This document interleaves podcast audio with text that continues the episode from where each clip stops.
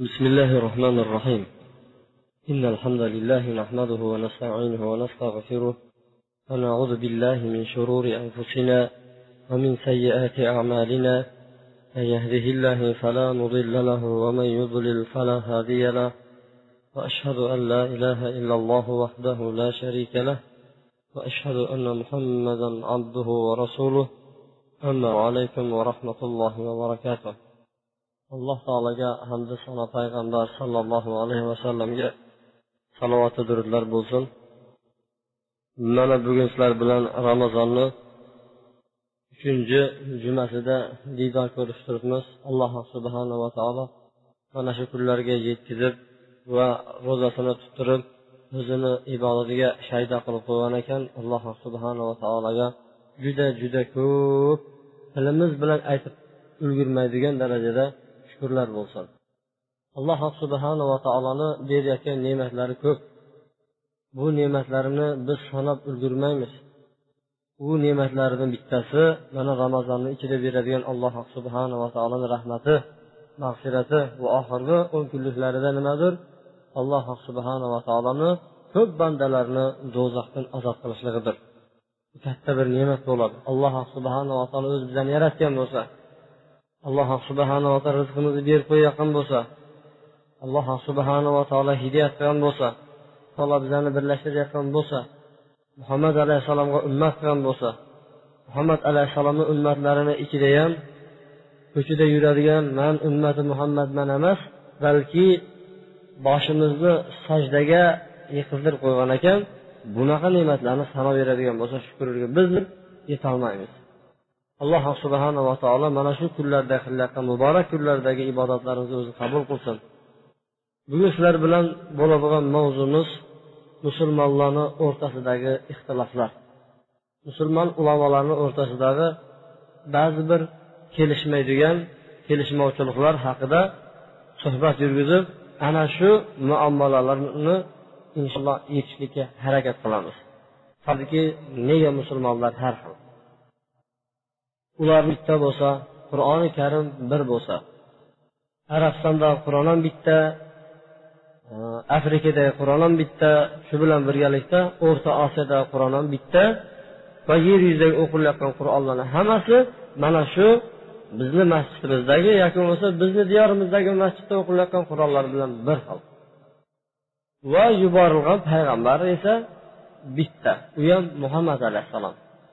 Muhammad alayhissalomni hadislarini to'plagan kishi imom buxoriy imom muslim imom termiziylar payg'ambar alayhissalomni o'zlarida nima qildi? Vositalar orqali hadislarni jamlab to'plab ketishdiyu nega hozirgi kunda musulmonlar ixtilofda? Nega bir birini yaxshi ko'rmaydi? Nega bir birini ajratadi? Nega bo'lak bo'laklarga bo'ladi? Nega bir biriga bug'zi adovat bilan qaraydi? Nega nega nega degan savollar juda nima qildi? Ko'payib ketdi. Nega sanlar u masjidga borasanlar? Nega sizlar bu masjidga kelmaysizlar? Nega degan gaplar to'lib toshib ketdi? Buni o'rtasida masjidga kelayotgan boshqa bir masjidga qatnayotgan jamoatlarni ichida ixtiloflar bo'ladigan bo'lsa masjidga hali umuman bormaydigan va masjidni eshigiga yaqinlashmaydigan uchinchi musulmon ismli toifalar sizlar o'zingizlar kelisholmaysizlar bizlarga yo'l bo'lsin deb turib xuddi sizni orqangizdan kulib turganda miyig'ida nima qiladi? Tirjimlab turishadi. Mana bunga sabablar nimadir? O'zi ixtiloflar bo'layotgan paytda qaysi tarafniki to'g'ridir? Qaysi bir taraflar nimadir noto'g'ridir? Mana shu savollarga inshaalloh bugungi juma suhbatimizda javob berishlikka harakat qilamiz. Nima uchun biz bu mavzuni tanladik? Bu mavzuni tanlashimizdan maqsad musulmonlar bir bo'lsa degan umiddamiz bir birlarini yomon ko'rmasa bir birlari bilan yaxshi munosabatda bo'lsa hamma hamma musulmonlar ham bir birini orqasida nimadir duolar qilsa qo'yingki bir oiladagidek bo'lsa degan maqsadda shu musulmonlarni qalblarini bir joyga bir oshno qilishlik uchun mana shu mavzuni tanlashlikka majbur bo'ldik. Chunki oxirgi paytda har xil gaplar so'zlar ko'payib ketganligi uchun mana shu mavzuga inshaalloh biz to'xtaladigan bo'ldik. Bu ixtiloflarni kelishib chiqish sabablari bu yigirma birinchi asr yoki bo'lmasa bizni yashab turgan davrimizda boshlanmadi. Bu musulmonlarni o'rtasidagi ixtiloflar savol javoblar bu qur'oni karim nozil bo'lib turgan kundanoq boshlanib ketgan edi. Payg'ambar alayhissalomni davrida sahobalarni o'zi har turli nimadir ixtiloflarga borishardi. Savol berishardi kimniki to'g'ri bunaqasi bunaqasi degan savollar tushardi. Qur'oni karimda ana shunaqa savollar judayam ko'p zikr qilingan. Jumladan sizlarga o'qib beradigan bo'lsak ey muhammad alayhissalom ular sizdan o'zlari uchun halol qilingan narsalar haqida so'rashadi. Halol qilingan narsalar haqida ixtilof qilishgan ekan. Mana buni yesa bo'ladi bo'lmaydi. Bu yeri harom bu yeri harom. Chunki o'tgan ahli kitoblarga ta'sirlangan holatda masalan ular shu moyi bilan go'shtiga aralashib ketgan joyini xotinlar yeydi palon piston yemaydi yoki bo'lmasa manda qilib qo'yganni bular yemaydi degan gaplar ko'payib ketgan edi. Hozir xuddi bizani davrimizda ham nimadir qulog'ini jiyanlari yeydi. Tilini ammalari yeydi. Oshni birinchisi xotinlarga borish kerak. Mana shunga o'xshagan qonunlarni tuzishib olgan edi. Mana bu yerini yeydi ana birini yemaydi degan gaplar ko'payib ketgandan keyin ixtiloflar boshlangandan keyin alloh taolo o'zi shu oyat tushirdiki ular o'zlari uchun nimalar halol qilinganligini so'rashadilar ey muhammad alayhissalom sizdan. Va alloh taolo keyin nima qiladi? O'zi javob berib ketadi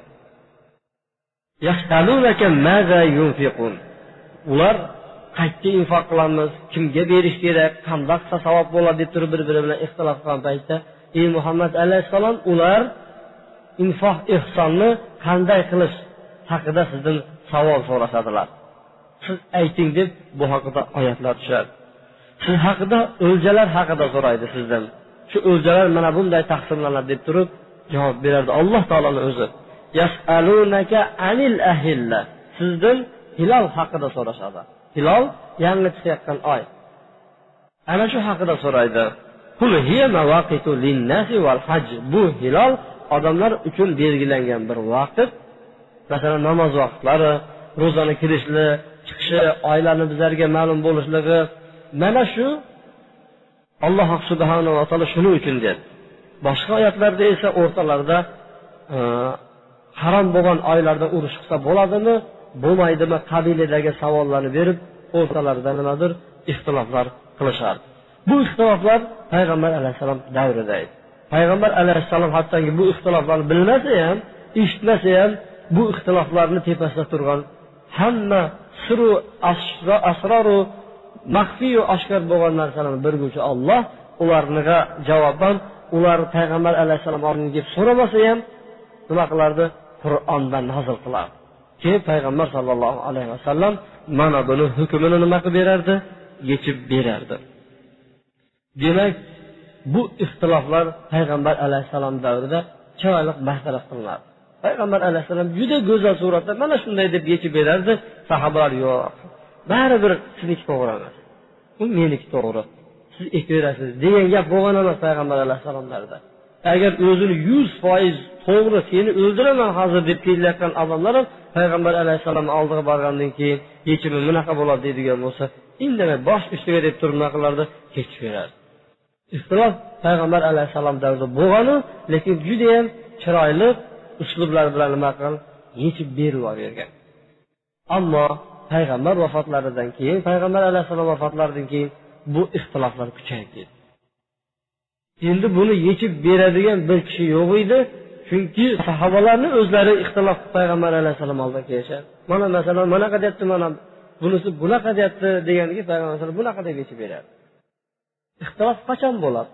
Savol tug'iladiki ixtilof ikkita kishini fikri bir biriga to'g'ri kelmagan paytda ixtilof chiqadi.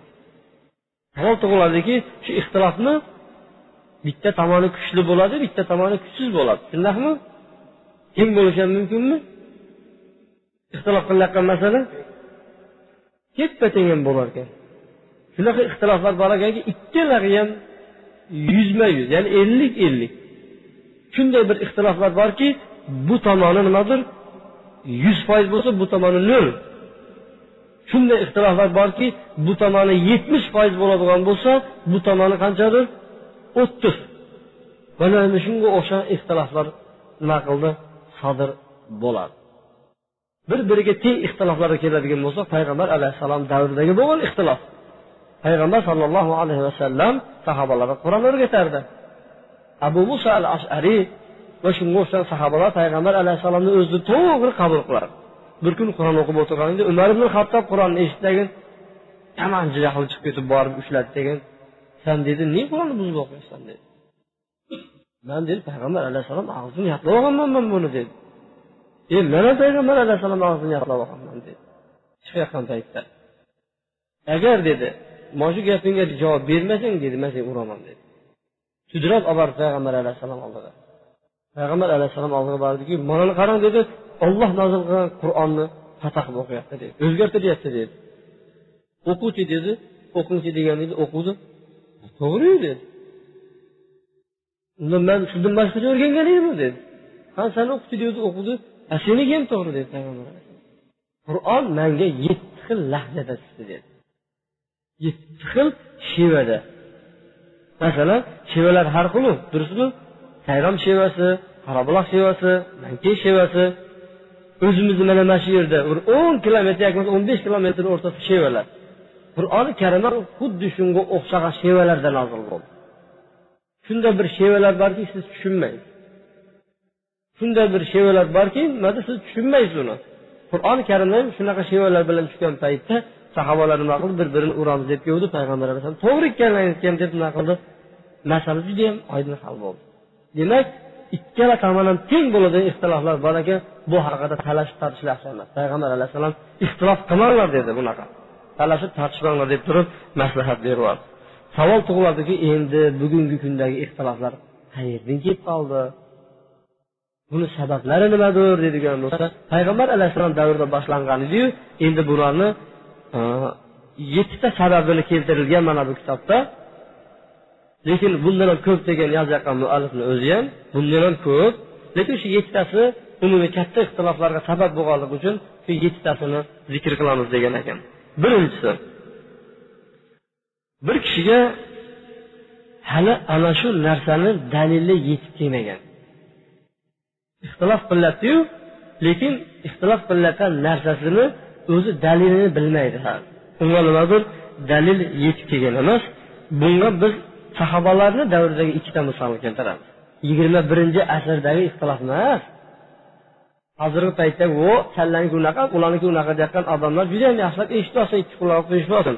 Sahobalarni davridagi bo'lgan ixtiloflarga nima qilyapmiz biz ishora qilyapmiz sahobalarni davrida umar ibn hattob roziyallohu anhu shomga ketayotgan paytda xabar keldiki u yurtda vabo kasali tarqalgan deyildi. Vabo kasal tarqalgan. Umar ibn hattob o'ylanib qoldi. Chunki vabo bo'layotgan joyga kirishlik juda xatarli.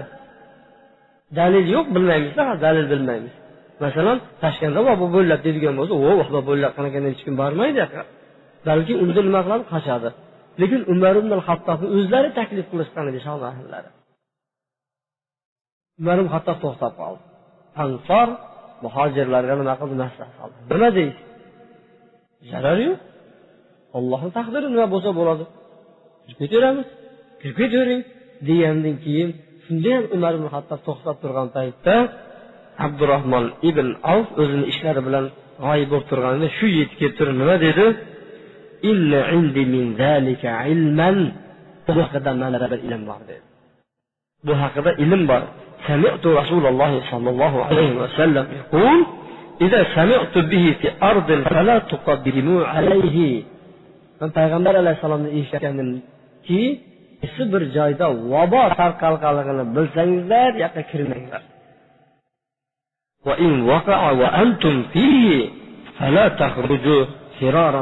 agar bir joyda vabo bo'lsa sizlar shu yerda bo'lib qolsangizlar sizlar turgan joyni ustida vabo bo'lgan bo'lsa u yerdan qochib chiqib ketmanglar deganini man eshitganman payg'ambar alayhissalomni dedi. Allohu akbar. Sahobalar ansor muhojirlar bari yig'ilgan paytda mana bu haqida ilm bo'lgan emas ekan ularda qaranglar. Abdurahmon ibn avf jannati tiriklik paytda xushbo'y xabar berilgan kishi keldidagi bu haqida manda ilm bor. deb turib qaranglar shuncha sahobalar bilmadi. Bilmasligi bilan nima qildi? Bosaveramiz dedi. Ketaveradi ollohni taqdiri bu. O'lib ketgan bo'lsa bo'ladi esa yo'q.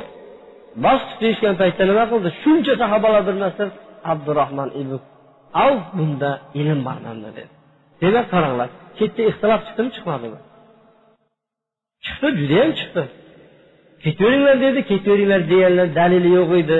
Dalili o'zlari nimadir raylariga suyangan dalillari bor edi. Lekin payg'ambar alayhissalomdan dalil kelgandan keyin bosh ustiga deyish. Yo'q san bitta o'zingsan bizlar shuncha ko'pchilikmiz deb aytmadi payg'ambar alayhissalomni muborak hadisini oldida butun bir sahobalarni kelishib turgan narsasini nimadir bizni tilimizda aytganda nomeri o'tmagan ekan. Bir sahoba aytdi payg'ambar alayhissalomni eshitdim dedi qolgan sahobalar hamma payg'ambar alayhissalomni so'zlarini oldida jim bo'lib qoldi. Demak ixtilof qilayotgan kishiga dalili yetib kelmasdi o'zi ixtilof qilayotganini o'zi ham bilmasligi mumkin ekan. Yana bitta bunga dalil keltiradigan bo'lsak ali ibn abu tolib payg'ambar alayhissalomni kimi? Kuyov bolasi payg'ambar alayhissalomni kimi? Amakisini o'g'li. Hamda abdulloh ibn abbos kimdir? U ham amakisini o'g'li. Yana kimdir? Payg'ambar alayhissalom nima dedi? Ey olloh mana bunga qur'onni o'rgatgin qur'onni tafsirini o'rgatgin dedi. U kishi qur'onni tafsirini judayam zo'r biladigan sahoba hamda payg'ambar alayhissalomning ikkita kuyov bitta kuyov bolasi masalada adashishgan ekan. Masalani ixtilof turib to'g'ri tomonda bo'lisholmagan ekan ikkalasi. Bu shunga dalolat qiladiki agar bir homilador ayol bor edida homilador ayolni iddasi qachon tugaydi degan savol bo'ladi. Iddani bilasizlar idda degani bir eri bilan ajrashgan ayol bo'lsa yoki o'lib qoladigan bo'lsa qornida bolasi bormi yo'qmi shuni aniqlashlik uchun erini uyida o'tiradigan muddatga idda deyiladi. Erlari o'lib qoladigan bo'lsa ular to'rt oy o'n kun o'tirishadi. To'rt oy o'n kun o'tiradi taloq qilingan bo'ladigan bo'lsa uchta uzrli holatdan poklanguncha nima qiladi? Erini uyida o'tirishadi. Homilador ayollar bo'ladigan bo'lsa homilasini qo'ygan kundan boshlab turib iddasi tugaydi. Bular aytgan ekanki homilador ayolni iddasi eng uzoq muddat degan ekan. Masalan bir homilador ayolni turmush o'rtog'i nima qildi? Vafot etdi. Deylik eng uzoq qancha bo'ladi to'rt oy o'n kuni endi homilasini qo'yguncha degan oyat bor. Ularni iddalari taloq surasida keladi homilalarini qo'ygandan keyin iddasi bitadi degan. Ular aytadiki masalan to'qqiz oydan keyin tug'adigan bo'lsa to'rt oyu o'n kun bu kam bo'ladida to'qqiz oy ko'payib ketadi endi homilasini tug'ishga uch kun qolgan eng uzoq muddat qancha bo'lyapti to'rt oy o'n kun bo'lyapti bular aytgan ekanki eng uzog'i olinadi. Deb turib hasa qilishgan ekan. Ko'pchilik sahobalar nima qildi? Yo'q alloh taolo qur'oni karimda aytib turibdi ya'ni ular agar homilasini qo'yadigan bo'lsa bo'ldi iddasi tugadi. Yoki bo'lmaydigan homilasi uzoq bo'ladigan bo'lsa to'rt oy o'n kun o'tadigan bo'lsa bo'ldi bitta deb turib boshqa sahobalar hammasi kelishgan ekan. Lekin bu ikkisi ikkala taraf ikkala nimadir kuchli kuchli olim sahobalar ikkinchi tarafda turib ixtilof qilishgan ekan. Demak bu ixtilof ham nimadir? Sahobalarni ichida bo'lgan ekan lekin buni dalili ularga yetib kelgan emas edi. Endi ikkinchi ixtilof bo'lishlikqa sabab. Bir odamga bir dalil yetib keladiyu lekin u dalilni uni oldida bir ishonchga ega bo'lgan emas. Ya'ni shunga nimadir o'zi kuchli ishonmaydi yo'q bundan boshqa kuchliroq bo'lishi kerak. Yoki bo'lmasa shunga yetkazib kelgan odam man unga uncha ishonmayman degan nimadir gapni qilishi mumkin ekan. Bu narsa umar ibn hattob mana shu bilmagan ekan. Ana shu masalani nimadir umar ibn hattob bilmagan ekan. Payg'ambar alayhissalom davrida fotima binti qays degan sahoba nima qildi? Uni eri taloq qildi. Uch taloq qildida. Uch taloq qilgandan keyin uyga ketdi xotin xotini ketgandan keyin boyagi buni kuyovi nima qildi? Unga nafaqasini berib turdi. Ya'ni shu iddasi tugaguncha berib turaman deydidagi nafaqasini berib turdi. Shunda ayol nima qildi? Man bu nafaqani olmayman deydi chunki man sendan ajrab bo'lganman deydi manga seni hojatim yo'q degandan keyin yo'q dedida ikkalasi payg'ambar alayhissalom oldiga bordi. Payg'ambar alayhissalom aytdiki uch taloq tushgan bo'lsa bo'ldi bu sani mutlaq ajrashib ketgan bunga hech qanaqa taloq nimadir nafaqa ham berilmaydi va unga uy olib berish ham shart emas deb fatvo berdi payg'ambar alayhissalom. Mana shu narsa umar ibn hattobga yetib kelmagan ekan. Umar ibn hattob nima degan ekan? Nafaqasini beradi uch taloq qo'yilgan ayolni hamda uy joyini qilib beradi shu iddasi bitguncha degan ekan. Umar ibn hattob aytdiki e, payg'ambar alayhissalom fotima binti qaysga manaqa fatvo bergan desa alloh taolo qur'oni karimda boshqa deyapti bu xatini kim biladi? Rost aytyaptimi yolg'on aytyaptimi degan ekan.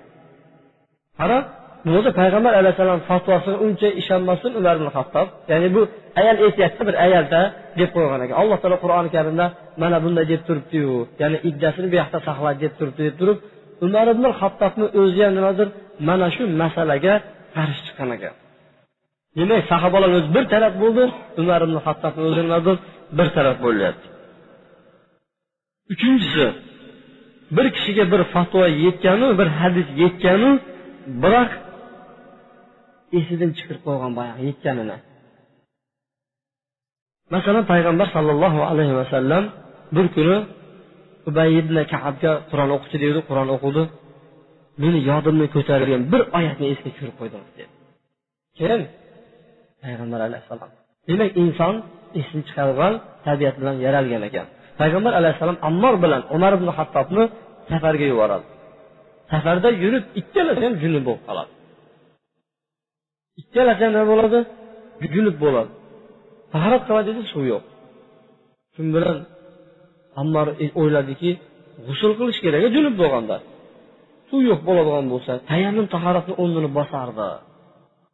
Endi dedi man dedi hozir dedi tuproqqa ag'anayman dedi. Ag'anasam dedi hamma ham tahoratli bo'lib qoladi dedi.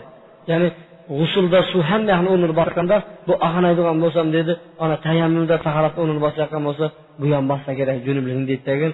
Yotib oldi yaqdim bu yoqqa ag'anadi. Shu bilan umar qilyapsan dedi.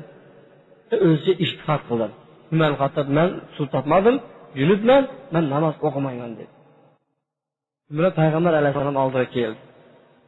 Payg'ambar alayhissalom oldiga kelgandan keyin nima qildi?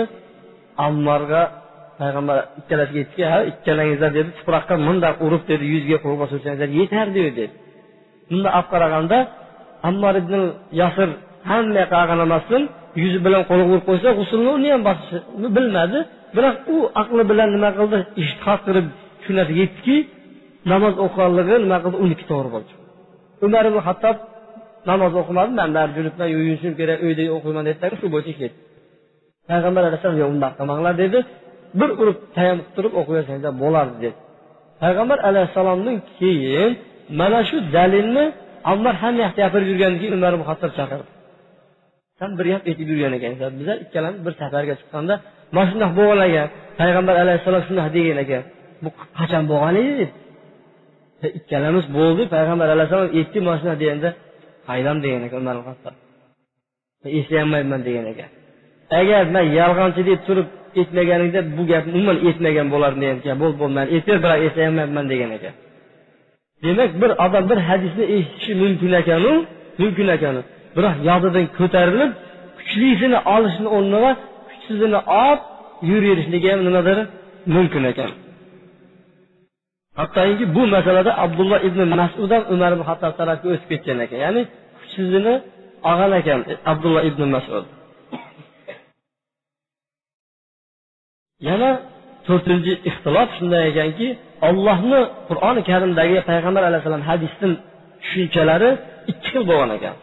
Masalan alloh taolo qur'oni karimda agar kasal bo'lsangiz yo safarda bo'lsangizlar yoki sizlarni bittangizlar g'oibdan katta tahoratdan keladigan bo'lsa yoki ayollarni ushlagan bo'ladigan bo'lsangizlar u holatda sizlar toza tuproqqa tayammum qilinglar suv topolmasangizlar deydi ayollarni ushlagan bo'lsangizlar deganda ulamolar uchga bo'linishgan ekan.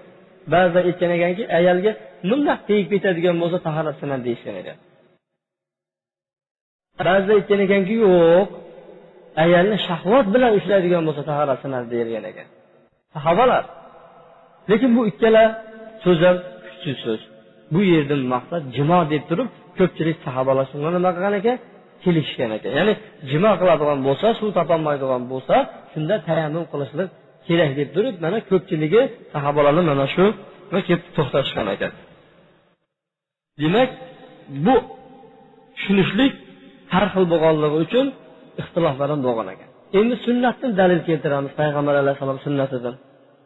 Payg'ambar alayhissalom handaq g'azabida nima qildi? Judayam og'ir g'azab bo'lgan. Handaq g'azabida agar o'qigan bo'lsangizlar tarixdan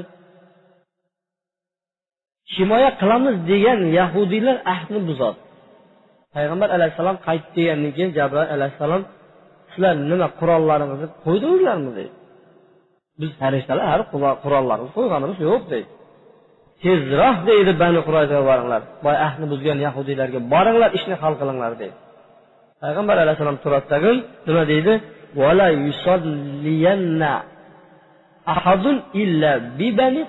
Dedi ya'ni bittangizlar asr namozini o'qimay tursin dedi. Bani qurayzaga boruncha dedi. Sahobalar lom min demasdan kech. Kech yoqqan paytda nima qildi?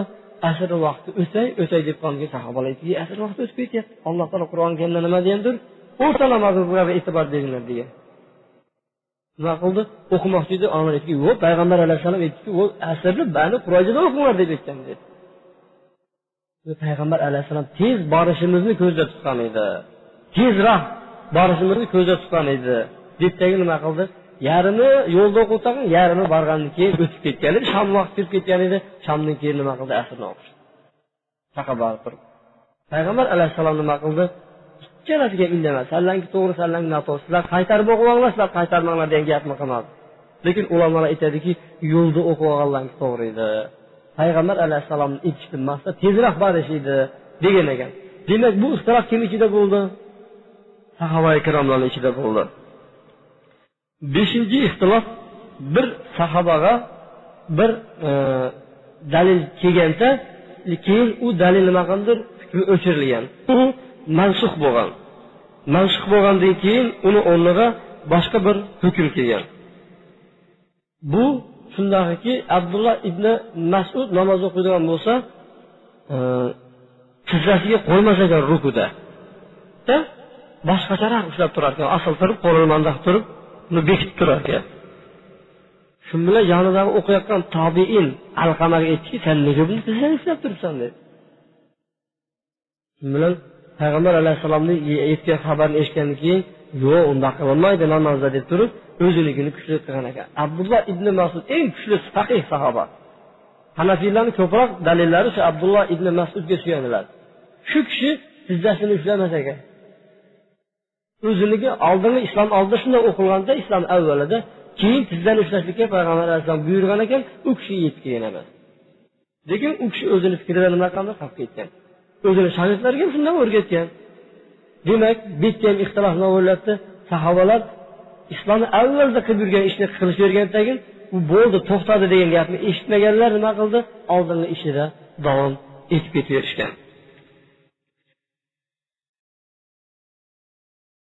yana shu bilan birgalikda sahobalar dalillari kuchli bo'lmaganga o'zini dalillarini kuchli deb turgan. Masalan ribo masalada abdulloh ibn abbos bitta tomonda turgan bo'lsa boshqa sahobalar boshqa bir taraf turgan ekan. Bu ribo bo'ladi deydigan bo'lsa har bir masala juda yam katta paytda abdulloh ibn abbos yo bu ribo bo'lmaydi deb turavergan ekan. Ko'pchilik sahobalarga nimadir qarshi tomonda turgan. Yettinchi oxirgi sabab ixtiloflarni sababi zaif hadislarni ushlash bo'ladi tag'in bu yoqda sahih hadislar nima qiladi qolib ketadi.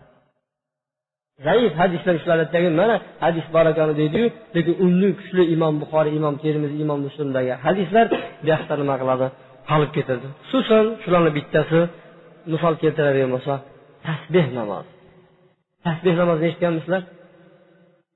Ana shu tasbeh namozi juda juda zaif hadisda sobit bo'lgan. Ba'zi olomonlar sahih deyishi mumkin.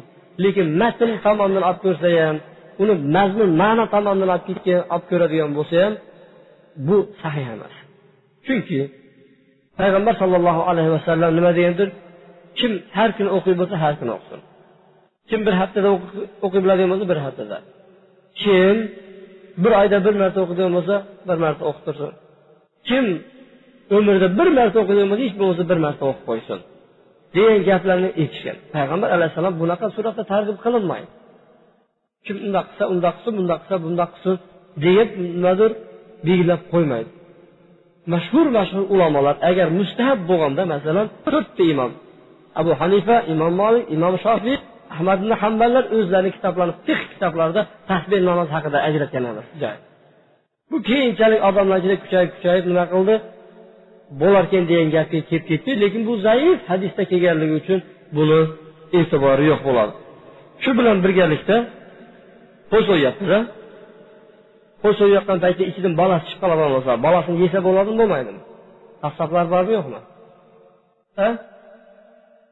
Bo'ladimi? Uni so'ygandan keyin yeyish kerakmi so'ymasdan turib yeyversa ham bo'ladi qassoblar bormi yo'qmi? Pastdami bir zaif hadis keladi. Hadis shundan iboratki zakatul janin zakatu ummihi degan. Ya'ni e, boyagi ichidagisini halol bo'lishligi oysini halol bo'lishligi nimadir tegishlidir deganda ixtilof qilishgan ekanki uni so'yib bo'lgandan keyin buni ham so'yish kerak degan bir zaif hadisni keltiradi. Lekin unaqa emas. Oy so'yilgandan keyin bo'ldi. Uni so'ygan bo'ladi. Chunki uni so'yishga yetib u o'lib qolishi mumkin. U so'yishni maqsad mana bu yerdagi aldash deb qo'yadi tomiri bor. Shu tomirini kesib u yerdan qon chiqarish kerak? Uni siz u yerga yetib borguncha u qo'zichog'ingizdan nimadir bo'ladigan bo'ladi. Shuning uchun oyisini so'ygandan keyin ichidagi o'z o'zidan nimadir so'yilgandan bo'ladi. Ba'zilar ana shu zaif hadisni ushlaydidagi nima qiladi shunga suyanib bu yoqda turgan sahih hadislarni nima qiladi? Inkor qilishlikka o'tib ketishadi. Demak mana bunaqa masalalar hozirgi bizni kunimizda ko'payib ketdi. Ixtiloflar ixtiloflarni olib ko'radigan bo'lsak yigirma santimetr yarim ber yigirma santimetr qo'llar aytda turyapti maytda turyapti oyoqlar undoq bo'lib ketyapti bundoq bo'lib ketyapti. Yoki bo'lsa bu undoq qilyapti bu bundoq bo'lyapti chizg'ich bilan o'lchaydigan bo'lsangiz yigirma santimetr. Yoki bo'lmasa o'n besh santimetr. Sahobalar ixtilof bir birini yarib qo'ymadiyu yoki bo'lmasa seni masjidingga bormayman bu yoqda o'zim o'qiyman deb alohida aytmadiyu ixtilof qilishdi u o'zini fikrini ushladi bu o'zini fikrini ushladi bu ham do'st bo'lib ketdi u ham do'st bo'lib ketdi bir birini yomon yomon ko'rgani yo'q bir biriga tosh yo'q ular bir biri ko'rganda quchoqlab ko'rishardi chunki bu fikrni o'zi oldin ushlayversin bu bu fikrni oldimi ushlayversin lekin islom bor iymon bor robbimiz bir payg'ambarimiz bir alhamdulillah usul ya'ni asosimizda hech qanaqa ixtilof yo'q allohga bo'lgan ishonchimizda ixtilof yo'q. Ana xristianlarni ko'ring. Olloh bitta deydi.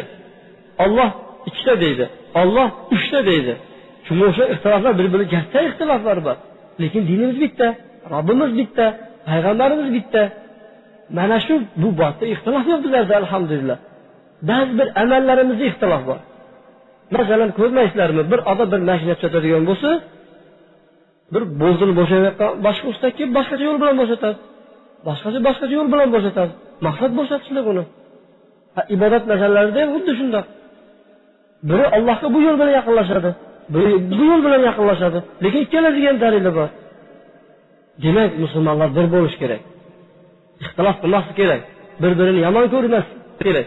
Balki bir qiblamiz bitta tomonga qarab namoz o'qiyapmizmi bir birimizni yaxshi ko'rishimiz kerak.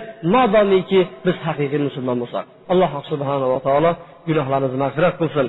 Bilib bilmas musulmonlarni yomon ko'rib qo'ygan bo'lsa alloh taolo kechirsin. Musulmonlarni yomon ko'rib qo'yganimiz uchun qalbimizdagi g'illi g'ashlarni olib tashlasin alloh taolo. Alloh taolo hamma musulmonlarni safini bir kalimaga tavhidga la ilaha illallohga o'zi jamlasin. Alloh subhanava taolo sizlarni mana shu yerda duoga qo'l ochib turgan imon bilan solih amal qilib o'tgan alloh ajdodlarini gunohlarini mag'firat qilsin mana shu ramazonlarni barakatlarini ularga yetkazsin va sallallohu vasallam va barik ala muhammadin va ala alihi va sahbihi ajmain bi rahmatika ya arhamar rohimin إن الحمد لله نحمده ونستعينه ونستغفره ونعوذ بالله من شرور أنفسنا ومن سيئات أعمالنا من يهده الله فلا مضل له ومن يضلل فلا هادي له واشهد ان لا اله الا الله وحده لا شريك له واشهد ان محمدا عبده ورسوله اما بعد. Islomdagi masoil va masalalar hamma odamlarni bitta masalaga solishni umuman iloji yo'q. Ayniqsa fiq masalalarida nimadir bitta bir joyga olib kelibdir. Mana shu to'g'risi bu eng to'g'risini man topdim deb hech kim aytolmaydi va aytolmagan imomi azam rahmatullohi alayhi aytadiki agar sahih hadis kelib qoladigan bo'lsa ana shu meni mazhabimdir degan. Boshqa bir qavullarda agar meni so'zim qur'on va sunnatga teskari gaplarni gapirib qo'ygan bo'lsam meni gapimni devorga urib parcha parcha qilinglarda ana shu qur'on ana shu hadisni olinglar degan. Imom azam rahmatulloh alayh. Imomi molik ham xuddi mana shunga o'xshagan so'zlarni aytgan. Bu meniki eng to'g'risi bundan to'g'risi boshqasi yo'q. Bu yuz foiz deb hech bir ulamo aytgan emas. Va aytolmaydi ham bundan keyin ham aytmaydi. Chunki hamma narsani to'g'risi hamma narsani aniq bilinadigani u ollohni huzurida bu bir ikkinchisi to'g'ri yo'lni yuz foizda yura bilgan u muhammad alayhissalom muhammad alayhissalomdan keyin hamma masalalarni to'g'risini hech kim qila bilmagan va qila olmaydi ham. Qila olmasligi ularni vojib bo'ladi. Qilolmasligi yuz foiz uni farz bo'ladi. Alloh subhanava taolo bar olimlarni bir joyga kelgan paytda to'g'risini toptirmay qo'yar ekan chunki alloh taolo qur'oni karimda yusuf surasida nima qiladi? Har bir bilimdonni ustida bir bilimdon turaverar ekan. To qiyomatgacha kelguncha mana mana shu olim zo'r bundan zo'r yo'q desangiz ertasi undan zo'r kelib chiqaveradi boshqa masalada. Bitta kuchli olimlar o'tganda tarixda biz joyga kelgan paytda hamma biladigan oddiy hali ilmi tolib endi endi o'rganayotganlar ham xatoligini biladigan joyda olimlarni alloh taolo adashtirib ketgan shu masala bo'yicha. Adashtirgan yo'ldan ozdirgan emas bir masalani nimadir to'g'risini toptirmay ketgan. Ulamolar aytadiki alloh taolo olimlarni hamma masalalarni bir joyga kelgan paytda adashtirib qo'yishlik vojib bo'ladi degan. Chunki u eng zo'ri emasligini bildirib qo'yishlik uchun degan. Demak to'g'risini olamiz deydigan bo'lsa to'g'risini imom molikni bir so'zi judayam chiroyli so'zi borki hamma odamni so'zi olinadiyu o'ziga qaytarib berilib biroq dedi mana bu qabrni egasini deb payg'ambar alayhissalom qabrga ishora qildi. Bu kishiniki olinadi ular qaytarilmaydi dedi bu kishiniki olinadiyu qaytarilmaydi degani. Masalan imomi azam rahmatulloh alayh o'zini mazhabini tuzayotgan paytda bitta o'zi tuzmagan ekan. Yigirmata eng kuchli shogirdlarini yig'ar ekan. Yigirmata eng kuchli shogirdlarini yig'ib turib masalani nima qilar ekan? Savol qilib o'rtaga tashlar ekanki ertaga shuni javobini aytinglar deb turib yigirmata fikrni eshitgandan keyin keyin xulosasini yozar ekan mana shunisi to'g'ri bo'ldi deb turib oxirida nima qilar ekan xulosasini yozdirar ekan bitta o'zi emas. Mana imom azam rahmatullohi alayh mazhabini avvalida paypaqqat mahz qarshilikqa ruxsat bermadi. Ikkita shogirdiga qarshi bo'lib keldi. Ikkita shogirdi yo'q ustoz beriladi desa tortiladi desa imom azam nima qildi? Yo'q tortilmaydi deb keldi. O'limlariga besh kun qolgan paytda nima qildi? Imom azam rahmatulloh sizlar to'g'ri ekan paypoqqa tartib bo'lar ekan dedida ikkita shogirdini so'ziga o'tdi. Imomi shofiyni ikkita mazhabi bor. Birinchisi misrda tuzildi oxirgi mazhabi. Nima uchun unaqa bo'ldi deydigan bo'lsa chunki oldingi topgan masalalarni hammasi kuchsiz bir kuchsiz shunaqa bir hadislarga suyanilgan bo'lib chiqqandan keyin u mazhabini o'zgartirdagi misrga borgan boshqa borgandan keyin boshqa bir masalalarni nima qildi? Oldingilarni hammasini teskarisini aytdi. Ular noto'g'ri ekan deb. Ahmad ibn hambalni mazhabini tekshiradigan bo'lsa hamma so'zlarda bu haqida ikki xil gap aytilgan bunisi undoq bunisi bundoq. Deyilgan bo'lsa boshqa bir yerda mana shu kuchli degan bo'lsa boshqa bir kitobda xuddi shu joyini bu taraf kuchli degan. Nima uchun bunaqa gaplar? Bitta odam deydigan bo'lsa kuchlisi qayerda bo'ladigan bo'lsa shunaqa ketavergan ko'rmaysizlarmi bizni mazhabimizdagi takbiri nimadir? Tashrihni imom azam rahmatulloh alayh bir kun aytiladi degan bo'lsa ikkita shogirdi yo'q to'rt kun aytiladiki asrgacha aytiladi. To'rtinchi ya'ni kundagi ya'ni uni asrgacha aytiladi degan fatvo ham bu ikkita shogirdiga nima qilingan? Berilgan. Demak bir kishida hamma masalani to'liq topishliq imkoniyati bo'lmagan ekan demak bu odamlarni hammasi to'g'risini topib bermaydi. Demak bu ixtilof azaldan bo'lib kelgan ekan bundan keyin ham bo'ladi lekin u imomlarni bir biriga quloq solayapti u imomlar imom shafiy rahmatulloh aytadiki uzkur nomana deydi. Bu nomonni zikrini qilchi deydi imomi azam haqida manga aytib beringlarchi deydi. Xuddi u haqidagi tarixlarni eshitadigan bo'lsam hidlik gullar atirlardan tillar tarqalayotganga o'xshaydi deydi. Qaranglar. Hozirgi kunda imom shafiy bilan imom azam mazhabida bir birini ko'rolmaydi bir biriga tashlasa ular nima deyapti? Imom azamni zikr qilchi uni zikr qiladigan bo'lsa go'yoki bir hidli gullardan bir tarqalayotgan bir mushk mushkambarga o'xshaydi deyishgan ekan. Imom molik aytadiki agar imom azam mana bu ustun deb turib masjiddagi ustunni ko'rsatgan ekan bu tilladim deydigan bo'lsa orqasidan dalilini ham keltira biladigan kuchli kishi deb turib juda katta bir baho bergan ekan. Hammalari bir birini hurmat qilgan chunki ulardagi ixtilof fiqhiy masalalardagi juz'iy masalalarda edi. Ixtilof qilishlikqa bir birini yomon ko'rishlikka arzimaydigan masalalarida edi. Ammo biza ixtilof qilgan masalada bir birimizni yomon ko'rishligimiz bu adolatdan emas.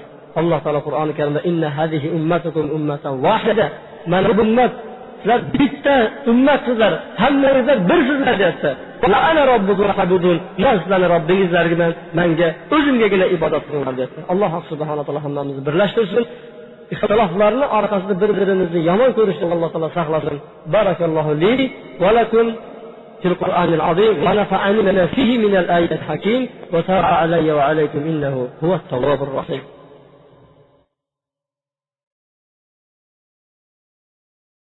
الحمد لله رب العالمين والعاقبة للمتقين والصلاة والسلام على خير خلقه محمد وعلى آله وصحبه أجمعين. وارض اللهم الخلفاء الراشدين المهديين أبي بكر وعمر وعثمان وعلي وعن بقية الصحابة أجمعين. وارحمنا معهم واحشرنا منهم. shu narsani yaxshi bilib qo'yishimiz kerakki bizni diyorlarimiz bu o'rta osiyo imomi azam rahmatullohi alayhi mazhabida u kishini mazhabida ibodat qilishadi. Bu kishini mazhabini noto'g'ri degan kishilarni o'zlari noto'g'ri bo'ladi. U kishilarni alloh subhanava taolo iqbol qilganligi uchun qabul qilganligi uchun ana shu kishilarni mazhabini tarqatdi. Bu mazhab noto'g'ri yurayotganlar bari xato deyotgan kishilarni o'zlari fada bo'ladi. Alloh subhanava taolo bularni yaxshi ko'rganligi uchun ularni mazhabini nima qildi? Tarqatgan ekan. Alloh subhanava taolo gunohlarimizni mag'firat qilsin. أقم الصلاة. الله